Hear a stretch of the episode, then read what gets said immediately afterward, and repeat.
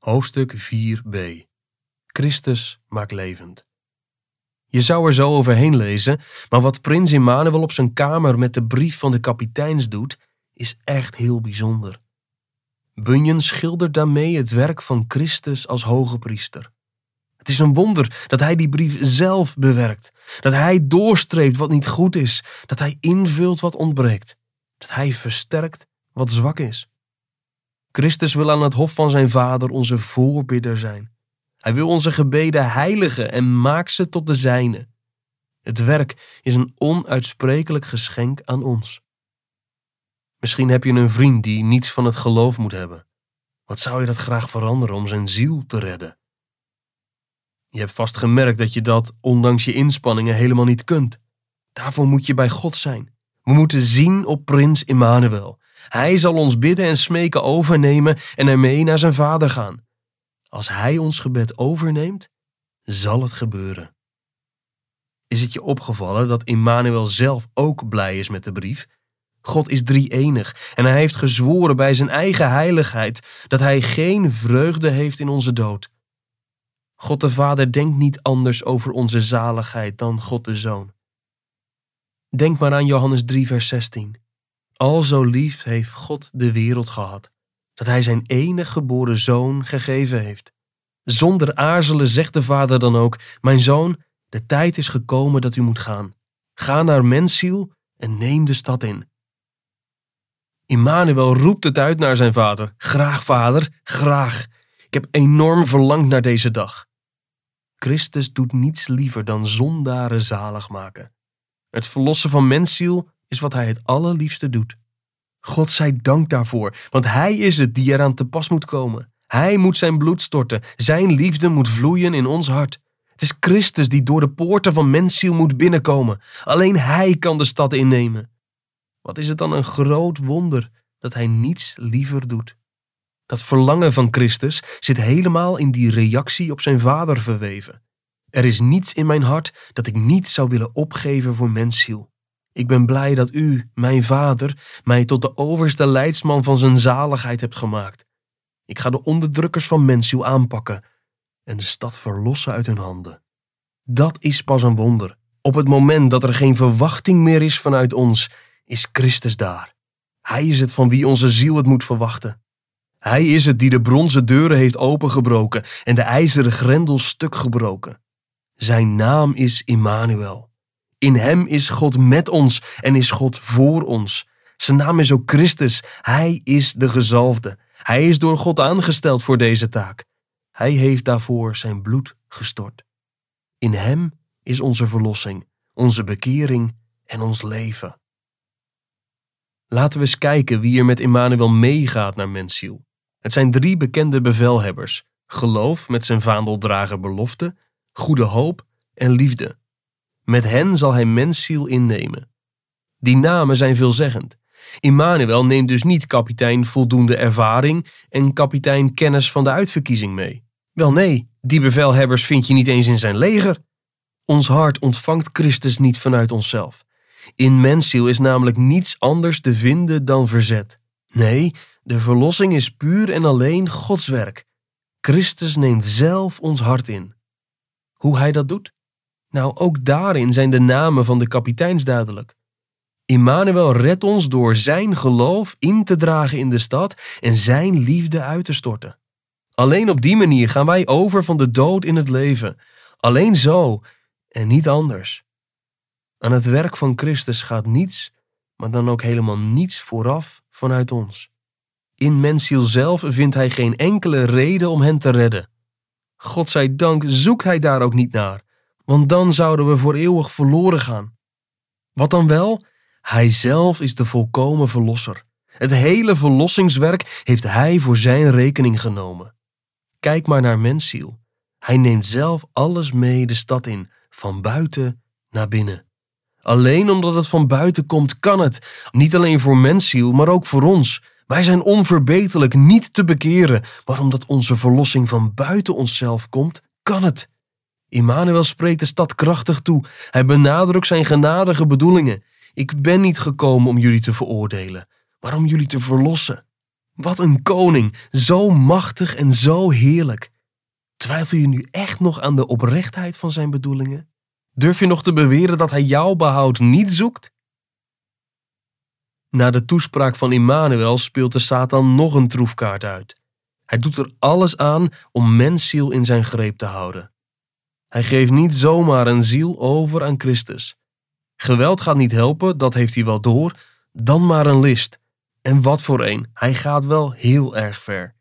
Maar dat de duivel ver wil gaan, wisten we natuurlijk al. Dat zagen we ook al in Filippi. Daar liet hij zelfs een waarzegster over Paulus en Silas uitroepen: Deze mensen zijn dienstknechten van God, de Allerhoogste, die ons een weg naar de zaligheid verkondigen.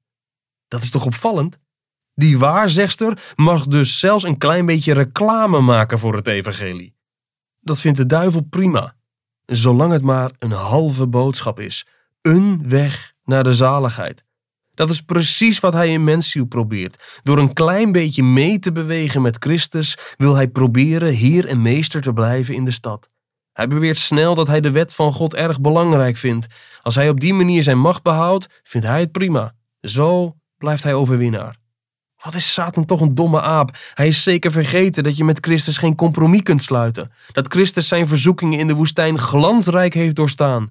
Dat Immanuel hem de kop vermorzeld heeft op Golgotha.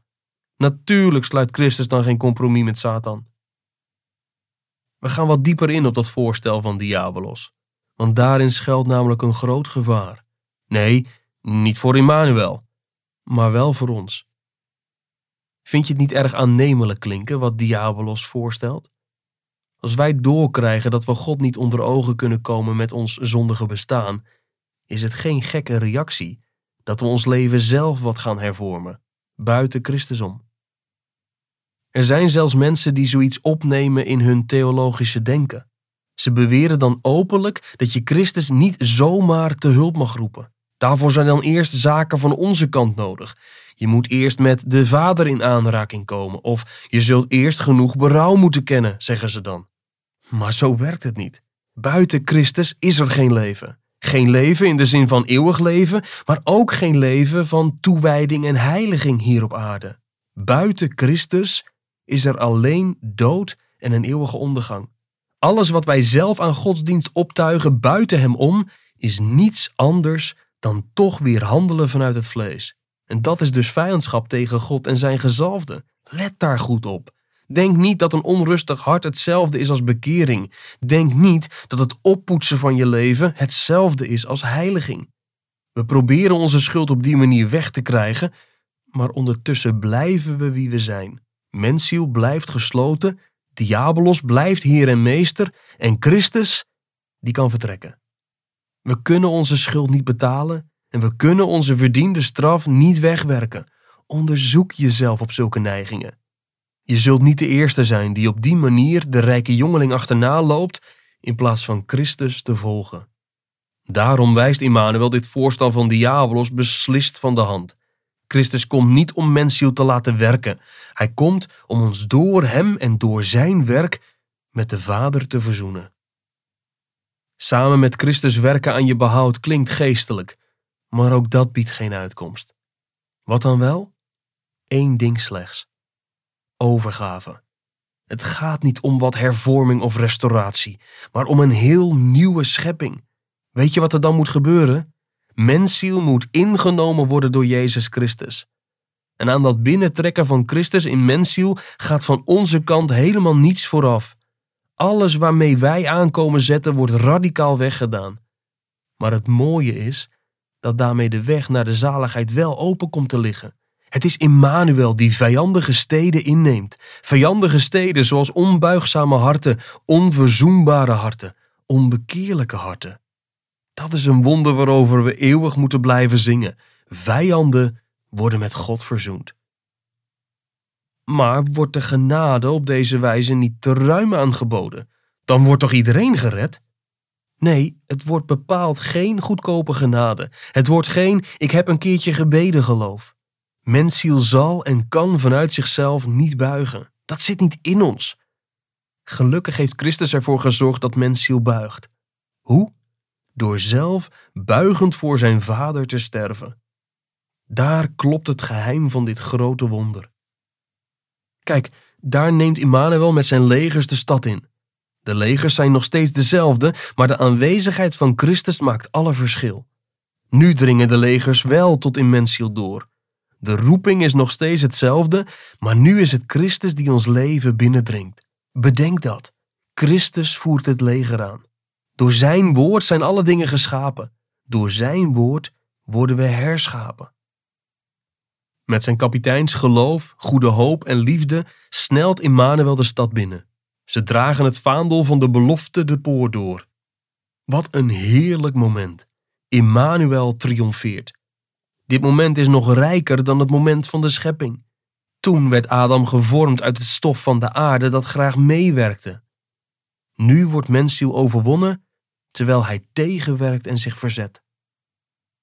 Als Immanuel ten strijde trekt, zorgt hij ervoor dat Diabolos en zijn handlangers verstrooid raken en vluchten. In Christus is ons heil.